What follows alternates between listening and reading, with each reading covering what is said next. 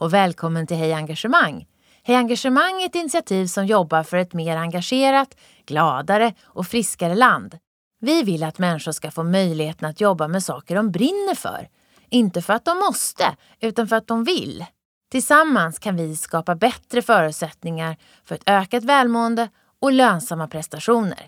Med Hej Engagemang får du träffa inspirerande personer som ger tips och insikt i hur du kan nå bättre resultat på jobbet och samtidigt må bättre. Nu kör vi! Hej och välkomna till dagens avsnitt. Jag heter Beata Wickbom och är er programledare. Idag ska vi prata om hur du får ditt engagemang att räcka ett helt yrkesliv. Varmt välkommen Frida Lund, författare till boken Cirkulärt ledarskap, idag rådgivare, som tidigare haft många olika chefspositioner i näringslivet. Tack så mycket Beata. Hur mår du Frida? Bara bra. Alldeles mm. utmärkt till och med. Väldigt kort, var är du som yrkesperson idag? Jag är på en plats där jag trivs otroligt bra och jag får jobba med någonting jag verkligen brinner för. Eh, jag är ansvarig för People and Culture på Curamando Group. Och det betyder att du jobbar med vad då? Jag jobbar med att eh, stötta, utveckla och värna om den kultur som vi har i bolagsgruppen och människorna där. Heter det HR-ansvar i andra verksamheter? Precis så. Ja. Vad går du igång på när du jobbar? Oh, jag tycker det är fantastiskt att få utveckla verksamheter genom människorna där. Att koppla kultur till strategi och se skillnad i bolagets tillväxt när människor växer. Beskriv ditt yrkesliv för tio år sedan. Hur jobbade du då? Mm. Jag har jobbat eh, väldigt kommersiellt genom hela min karriär. Eh, mycket inom försäljning. Och eh, där har ju drivkraften varit att såklart se resultat, både för bolaget där jag varit men också för mig själv. Eh, en stark drivkraft har varit att få ta mig an nya utmaningar, eh, att kunna få vara med och påverka och fatta beslut och göra skillnad. Mm. Du jobbade väldigt mycket då. Vad, vad hände med ditt yrkesliv till slut? Ja, eh, för att kanske göra en lång historia kort. Eh, jag har jobbat i en bransch som har varit med om otroligt eh, omfattande förändringsresa i mediebranschen. Och efter många år med liksom stora omfattande förändringsresor där jag själv jobbat i ett högt tempo. Jag tyckte det varit otroligt roligt att jobba ska jag tillägga. Eh, men där jag också hade en hemmasituation eh, med en son med en, en dubbeldiagnos och också en allvarlig njursjukdom när han var liten så hamnade jag lite som sådär droppen som fick bägaren att rinna över i en roll där, där jag inte kom till min rätt och en miljö som eh, inte var optimal för mig. Eh, och där till slut min man frågade vem hon som han gifte sig med egentligen var idag. Jag hade tappat bort mig själv på vägen. Vad gjorde du då? Jag tog eh, en vecka på mig att fundera. Eh, det är såklart att jag hade känt in vad, vad min man sa till mig. Eh, efter den veckan så sa jag upp mig från mitt jobb och jag visste att jag skulle ta en annan riktning. Mm. Kan du beskriva den värld som många förändringsledare lever i idag? Vad präglar den? Oj, ja. Eh, komplexitet och ett högt tempo. Mycket drivet av eh, globalisering, digitalisering, Eh, och en stress som både är reell men också som jag tror blir pålagd för att man tittar mycket på vad andra gör. Vad ägnade du mesta delen av din tid åt då när du var chef för mediebranschen?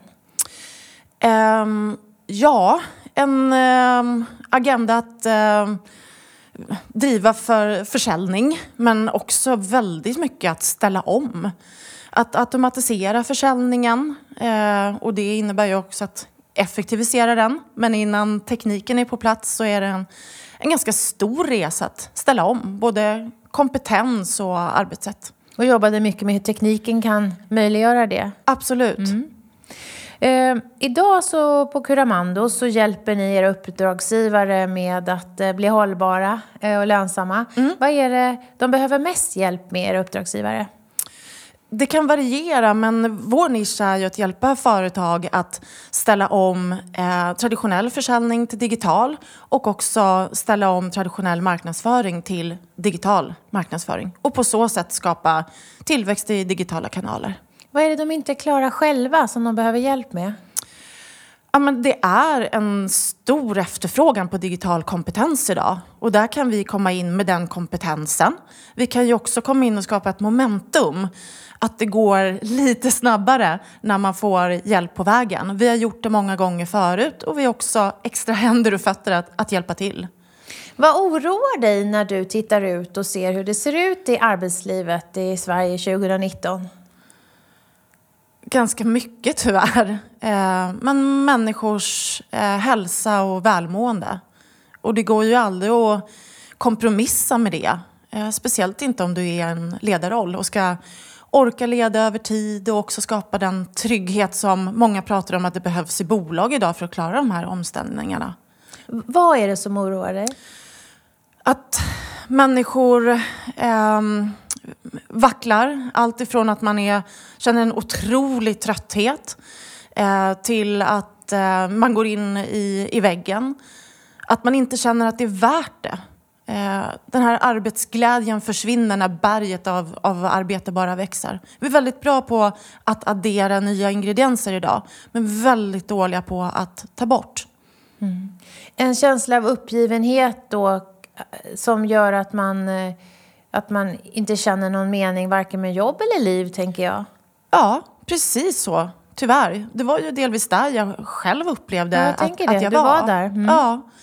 Um, jag, jag, var på en föreläsning, eller jag höll en föreläsning i, i förra veckan och där vi vid ett samtal uh, vid ett bord, vi var väl fem ledare, uh, där alla uh, hade sagt upp sig från sina jobb sina chefspositioner fast man inte tyckte det var värt det. Och det, det smärtar mig.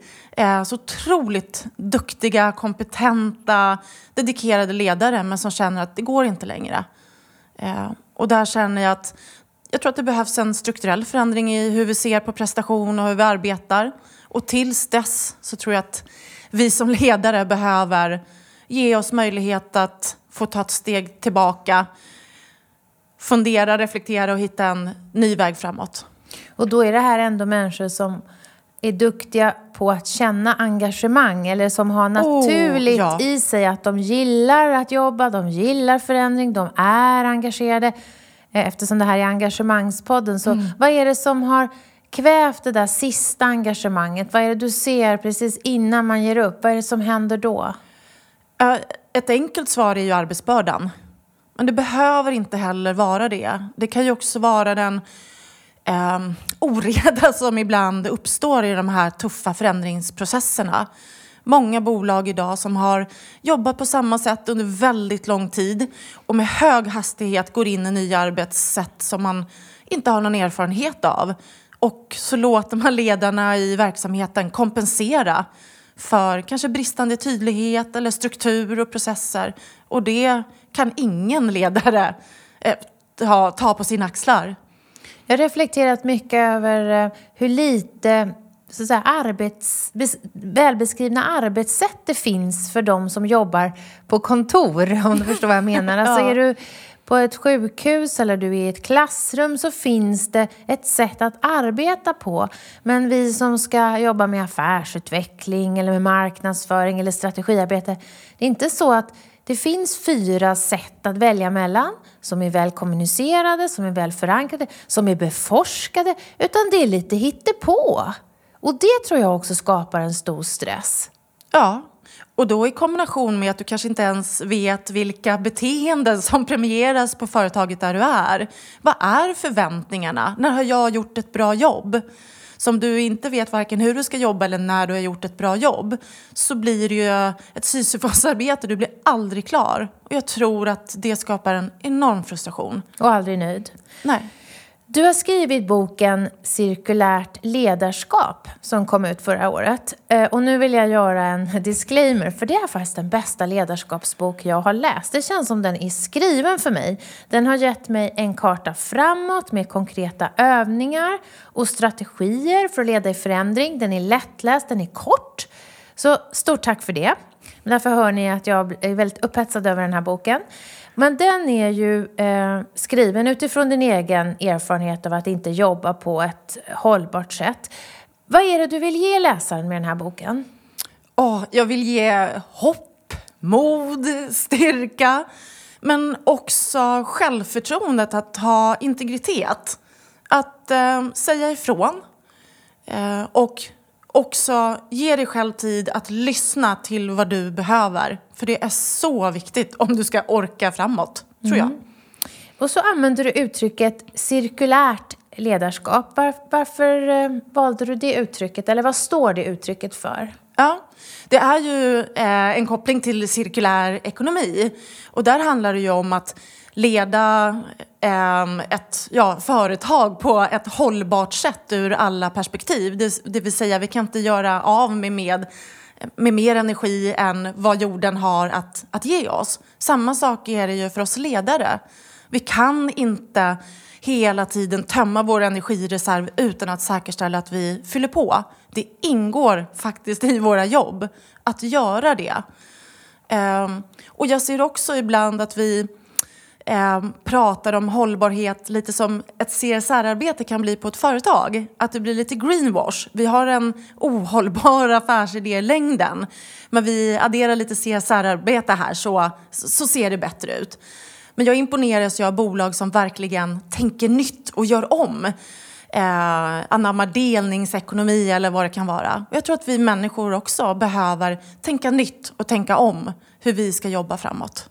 Ser du att eh, hållbarhet, att jag ska le, eh, hålla som ledare i mitt eget ansvar? Eller ser du att organisationen också måste skapa system och verktyg och en kontext för medarbetarna att kunna vara det?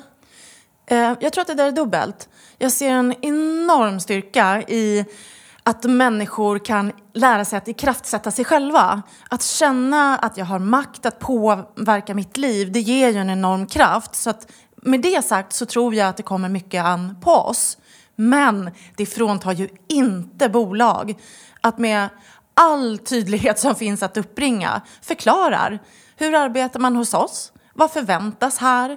Vad är en bra arbetsinsats? Och så vidare.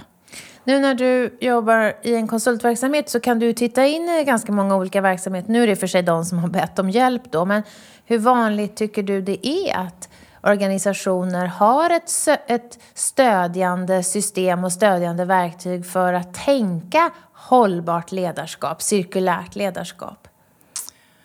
Är det vanligt eller eller är det ovanligt? Alltså att det mm. finns en medvetenhet om att utbrändhet till exempel kostar, att stress kostar, där är vi ju. Men att sen långsiktigt jobba med lösningar, hur, hur, hur vanligt är det? Mitt positiva svar är att eh, jag upplever att det ligger högt på agendan. För det är så utbrett idag att vi behöver se på prestation på ett annat sätt. Det som kanske oroar mig är att vi har en lång bit att gå Um, och att vi inte vet exakt hur vi ska göra det. Att vi fortfarande provar oss fram. För um, enligt dig då, så vad är en hållbar ledare om man tänker att, att vi behöver argument för varför? Vad är det en hållbar ledare kan ge sina kollegor och sin organisation?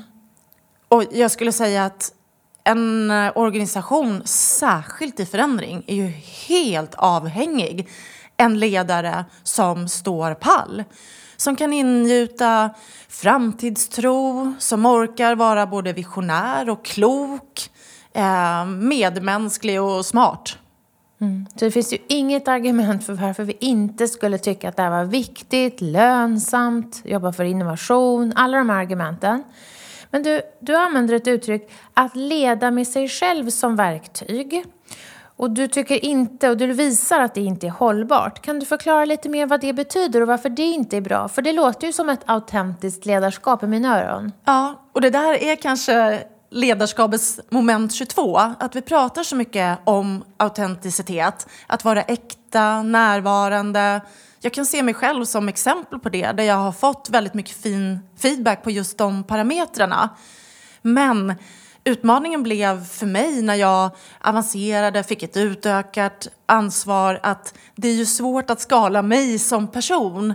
Och där finns det ju ledarverktyg där jag till exempel verkligen skulle vilja lyfta fram coachingen. Där jag i kraft sätter andra och genom att också ta hand om mig själv orkar se att alla människor får hantera sin utmaning och eh, sin kamp. Och jag finns där, men jag tar inte på mig ansvaret för dem. Ehm, så att, ja.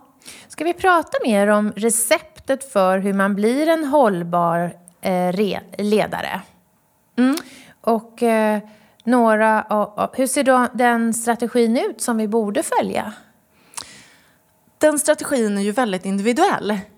Och det är lite det det handlar om. Att våga ta sig tiden att eh, lyssna in vart jag står, vad jag behöver. Mycket handlar det om att blicka inåt eh, och försöka hinnas, finna svaren på vad är mina drivkrafter? Vad går jag igång på? Det är ett bra sätt att hämta energi in i, i ledarskapet. Också se på eh, den miljö man verkar inom. Vad behöver man för att må bra?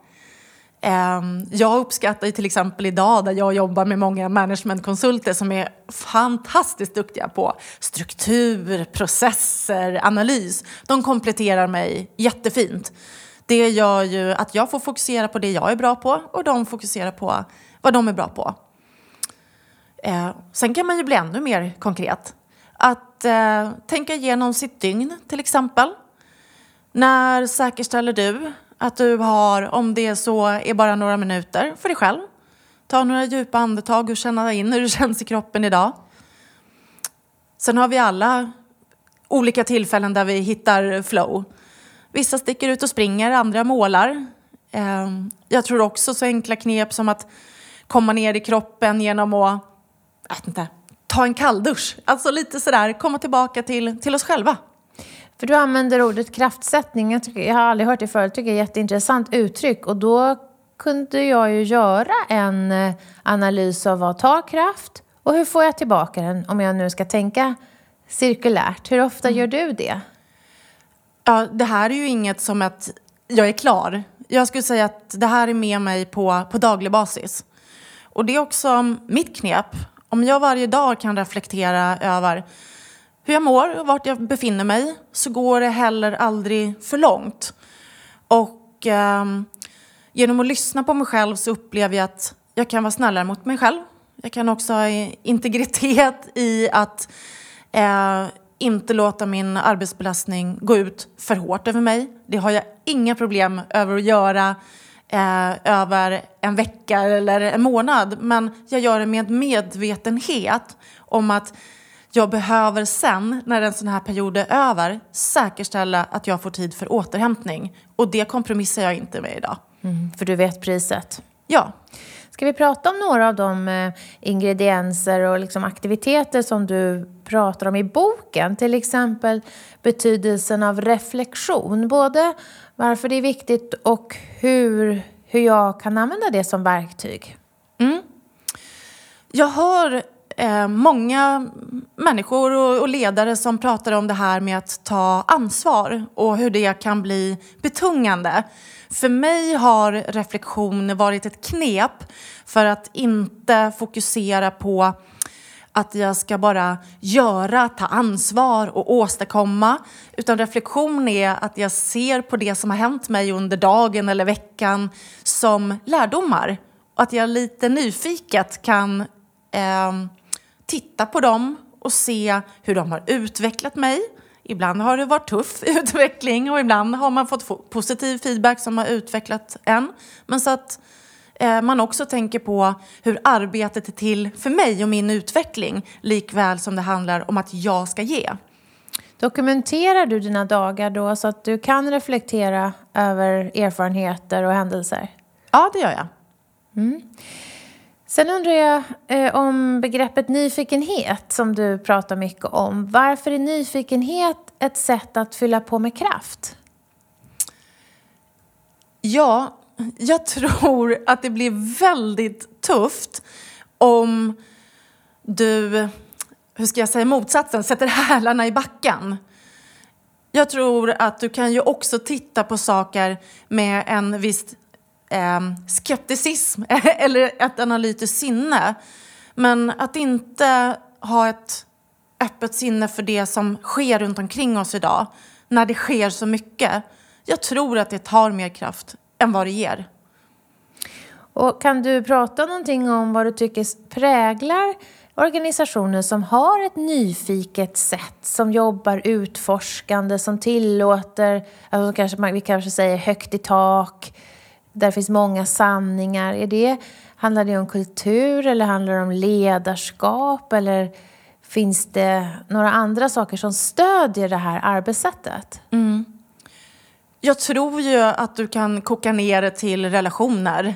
Att där du känner dig trygg så finns det också utrymme för det här. Och där det finns struktur, tydlighet, ibland kanske ganska givna ramar. Då är det lättare att ha det här typen av, av sinnestillstånd.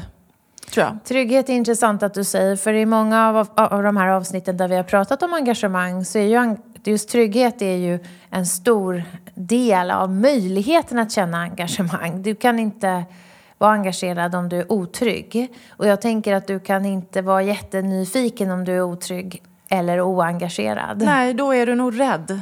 Och kommunikationens betydelse då? Du har ju jobbat i verksamheter som Eh, haft stark tillväxt under den digitala eran. Vilka verktyg och vilka kommunikationssätt tycker du är långsiktigt hållbara?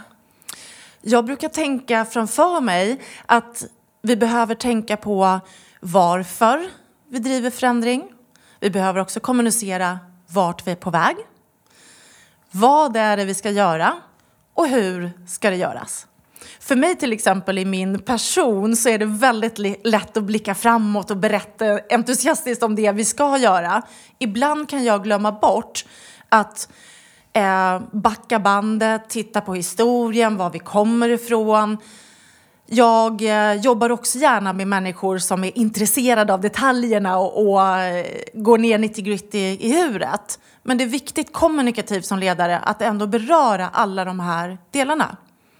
Det är också ett sätt att skapa trygghet. För vi är ju kommunikativt också väldigt olika. Vi är olika, exakt. Och sen pratar du om, om behovet av inkludering eh, och strategier för att få fler i organisationen att känna sig inkluderade det är ju ganska självklart att det är viktigt, men hur har du, vad har du för råd där när det gäller att jobba med det? Jag eh, tror på och uppskattar ett transparent ledarskap. Det kan ju handla om att du kan ha din eh, affärsstrategi i stort sett ligga ute på nätet för andra att beskåda. Det är inte i den idag ofta som skillnaden ligger, utan det är i människorna, i kulturen. Eh, men den här transparensen leder ju till att det blir enklare att inkludera och sen så också ett ledarskap som tror på att eh, vi vinner på att så många som möjligt skapar kraften framåt tillsammans. Det är ju sällan en person idag, eller om man säger aldrig, som kan förstå alla ingredienser i vart vi är på väg.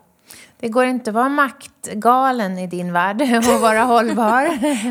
Nej, det är nog en svår kombination. Och då tänker jag ändå på alla de organisationer vi har med strikta hierarkier och strikta chefsnivåer. Att, eh, jo, det är klart det blåser på toppen och vi ser ledare som får kliva av. Ehm, men det är många som håller sig kvar länge trots att det känns som att det skulle vara ett rätt icke hållbart sätt att jobba på.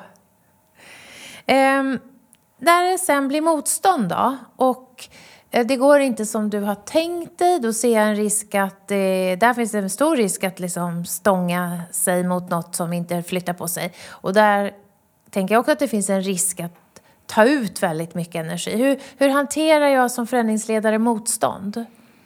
Ja, där tycker jag jag har ett sånt fint eh, beskrivning av det där som jag har, har, fått från, från en bekant som sa det. Du kan aldrig föra två Eh, frontskrig. Men någonstans måste du ju ha eh, allierade och någon som tror på det du tror på man kan stånga sig blodig på, på vissa håll och kanter. Men du kan till exempel inte både ha en styrelse och en ledningsgrupp eller en medarbetargrupp eller vad det är då som, som motarbetar dig. Utan någonstans måste du få känna dig trygg, hämta kraft och styrka och jobba framåt. Och ha igen. ditt gäng så att säga. Ja, mm. du, jag tror att många ledare står så ensamma idag. Och jag skulle verkligen vilja säga att som ledare är du till för ditt team, men teamet är också till för dig. Kan, det gå, kan man ha det utanför organisationen, alltså hemma eller bland vänner? Eller måste det här ske i din arbetsmiljö? Det här stödet finnas där? Jag tror att stödet hemifrån är ju ovärderligt. Men jag tror inte du kan stå ensam med din arbetsmiljö. Det blir, det blir alldeles för tufft. Sen pratar du mycket om eh, arbetsro. Och jag kan tänka att eh, om, om, ni kunde, jag kunde se alla som lyssnar, vi har 20 000 lyssnare, om de skulle räcka upp handen hur många känner arbetsro minst en gång om dagen så vet jag inte om ens hälften skulle räcka upp handen. Jag upplever att vi, vi har knappt någon ro till någonting. Hur skapar vi arbetsro i vårt digitala surr och i vårt mötestäta liv? Ja. Dra ner på möten. Dra ner på mejl. Våga ta dig tid att ifrågasätta. Ibland är vi närvarande på möten för att inte missa eller för att inte framstå som oengagerade. Ehm, det här tror jag vi starkt kan ifrågasätta. Det kan också vara otroligt skönt att med regelbundenhet jobba på en miljö, i en miljö på en plats som ger dig energi. Om det är hemma eller vart det är. Det är ju fullt möjligt idag att eh, arbeta på det sättet. Mm.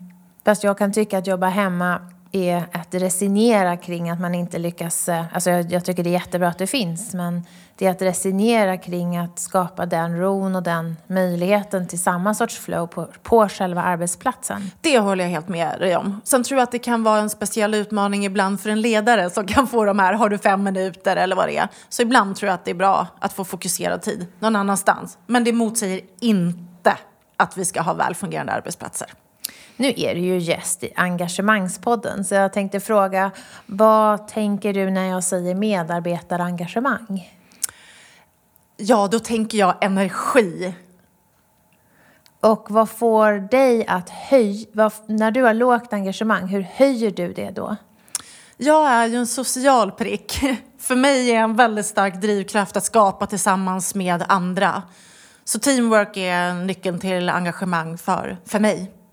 Du nämner inte begreppet engagemang i din bok, utan, men det handlar ju om energihushållning och så. Men vad är din, dina tankar om vad engagemang betyder för ett hållbart eh, arbetssätt? Ja, om vi översätter engagemang till att jag har hittat eh, något som är viktigt för mig. Jag känner att det är meningsfullt det jag gör. Jag gör det i ett sammanhang där jag, där jag trivs. Jag känner mig kompetent. Så kan man översätta det till, till samma sak kanske. Mm. Och då är det receptet för ett hållbart arbetsliv? Det är det jag hör dig säga. Absolut.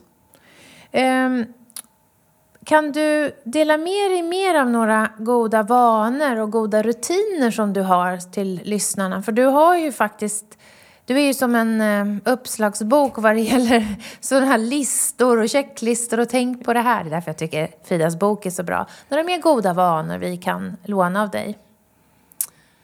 Ja, ibland känns det som att jag säger det här ordet för ofta. Eh, och det behöver inte vara någon strikt metod när man pratar om meditation. Men det är ju fantastiskt att bara få i en stunds tysthet se vad som bubblar upp inom en. Vilka tankar som kommer och hur det känns i, i kroppen. Det är en enorm eh, viktig källa till energi, i varje fall för mig. Givet att jag är en person, liksom många andra tror jag, som där tankarna lätt surrar på i, i huvudet 24-7. Det tystar de tankarna för mig i varje fall.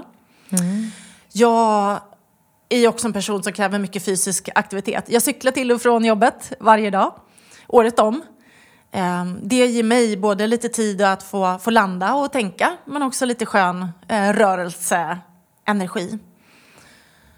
Jag reflekterar över mitt mobilanvändande.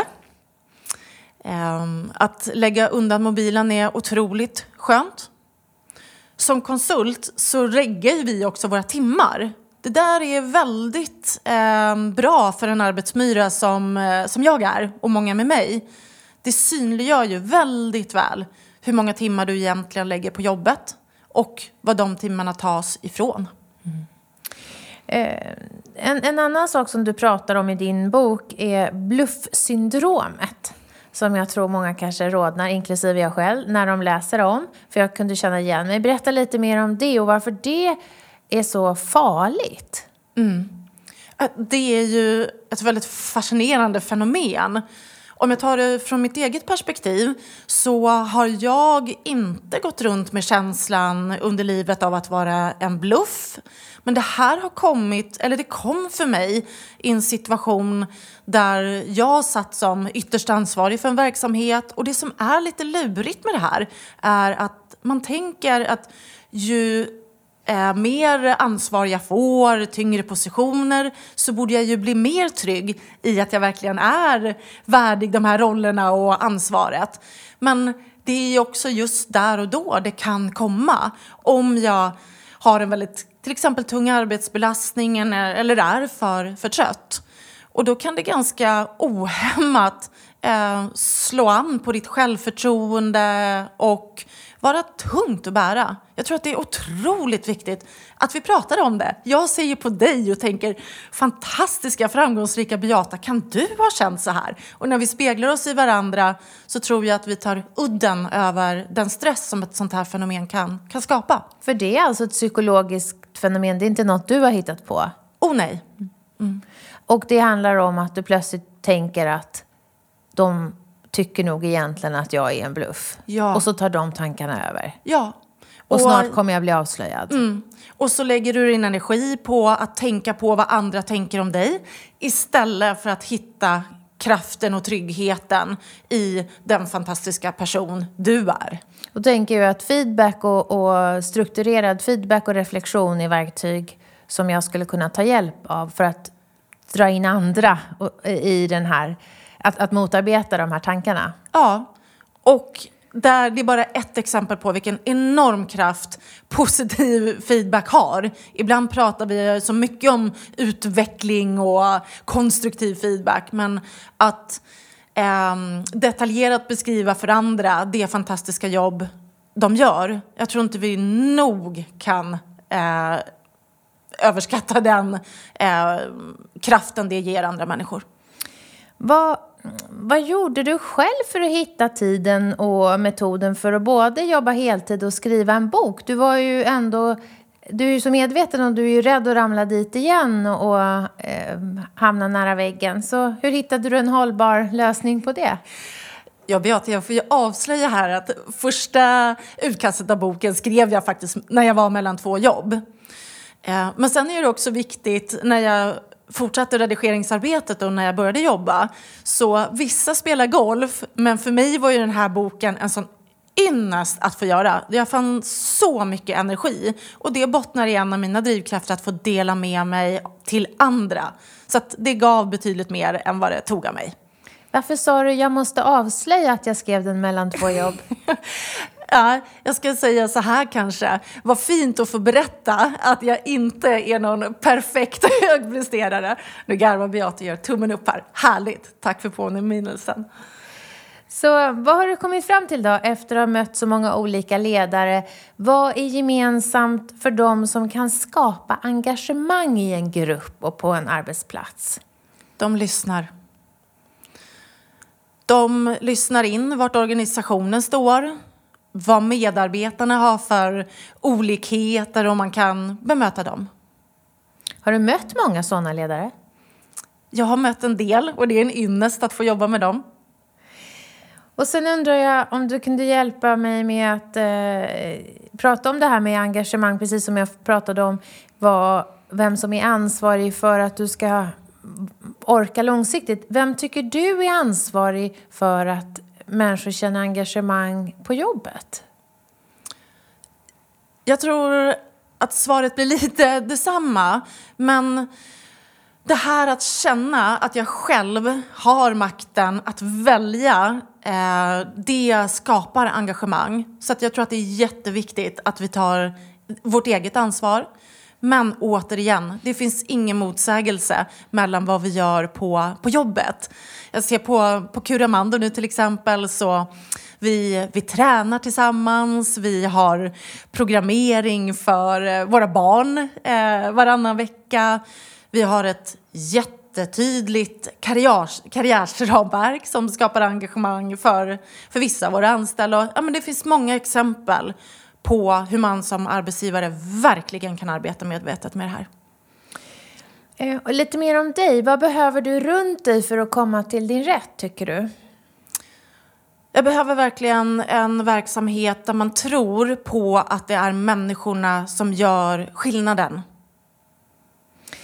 Och eh, idag då, när du känner att du har haft en dag där du verkligen använder din fulla potential men utan risk för att du har tagit, tankat ur för mycket energi. Eh, hur känns det då på kvällen? Och det känns ju skönt. Är kanske en känsla jag kan beskriva det med. Eh, men det är också en dag där jag har eh, haft möjlighet att känna in den dagen mellan varven. Jag har inte kommit hem, dimpt ner i soffan och där och då reflekterat utan det har varit en dag där jag har varit närvarande. Så du har styrt och inte blivit styrd av andras agendor till exempel? Ja. Mm. Hur skulle du säga att du möter framgång i det arbetet du har idag? Och hälsa och välmående. Verkligen så. För dig och för medarbetarna? Ja, absolut. Eh, och det leder ju till att vi får nöjda och glada kunder. Jag tror den kedjan är, är 100% länkad. Jag brukar fråga våra gäster att om du fick eh, en påse omärkt tid som la sig, eh, det behöver inte vara mellan jobb utan det, bara, det kom bara tid till dig när du kunde ägna dig åt någonting helhjärtat utan, utan att bli störd. Eh, vad skulle du vilja utveckla dig själv inom för område eller för kompetens då? Jag skulle fortsätta utforska mig själv. Vad jag besitter för förmågor och, och styrkor. Och vad jag brottas med för, för rädslor och egna små kullerbyttor som slår, slår krok för, för mig själv. Och om du var engagemangsminister för en dag. Vi hade ett engagemangsdepartement som jobbade med att fler, få fler svenskar att vilja gå till jobbet och älska att gå till jobbet. Vad skulle du göra i den rollen, tror du? Och då tänker jag så här. En del i att um, ja, ha ett cirkulärt ledarskap är att jag tror att det här att vi ska jobba med vår miljö och vår jord, det kommer naturligt in som en del i ledaransvaret. Det är inte något vi gör på vardagen utan det kommer att ingå i vår yrkesroll. Och för att hamna där så tänker jag att jag skulle vilja ge alla svenskar en personlig upplevelse av var vi står i miljöfrågan idag. Så att den verkligen sjunker in inom oss och tar sig uttryck i den roll där vi faktiskt har störst möjlighet att påverka i vår yrkesroll. Du menar att du vill ge dem en känsla av allvar, av urgency, ja av att vi bara har tio år kvar innan, på, att, på oss att halvera utsläppen och sen ska vi halvera dem igen de nästkommande tio och så vidare och så vidare. Den, eh, den, det allvaret i situationen. Ja. Mm. Det skulle jag också vilja att du kunde göra med ett trollspö. Ja. Om vi skulle ses igen, vad finns det som du eh, verkligen tycker är intressant att prata ännu mer om?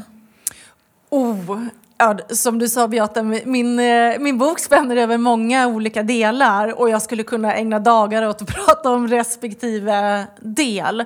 Men verkligen att eh, djupdyka i hur du kan finna kraften inom dig själv. För jag tror så otroligt mycket på det.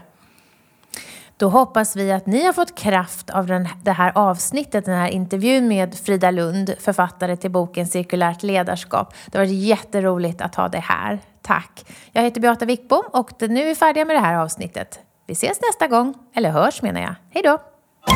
Vi hoppas att vi har väckt tankar om hur du kan bidra till ett mer engagerat Sverige.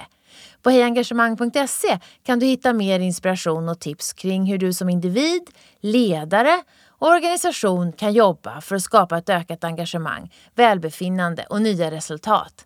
Tack för att du har lyssnat!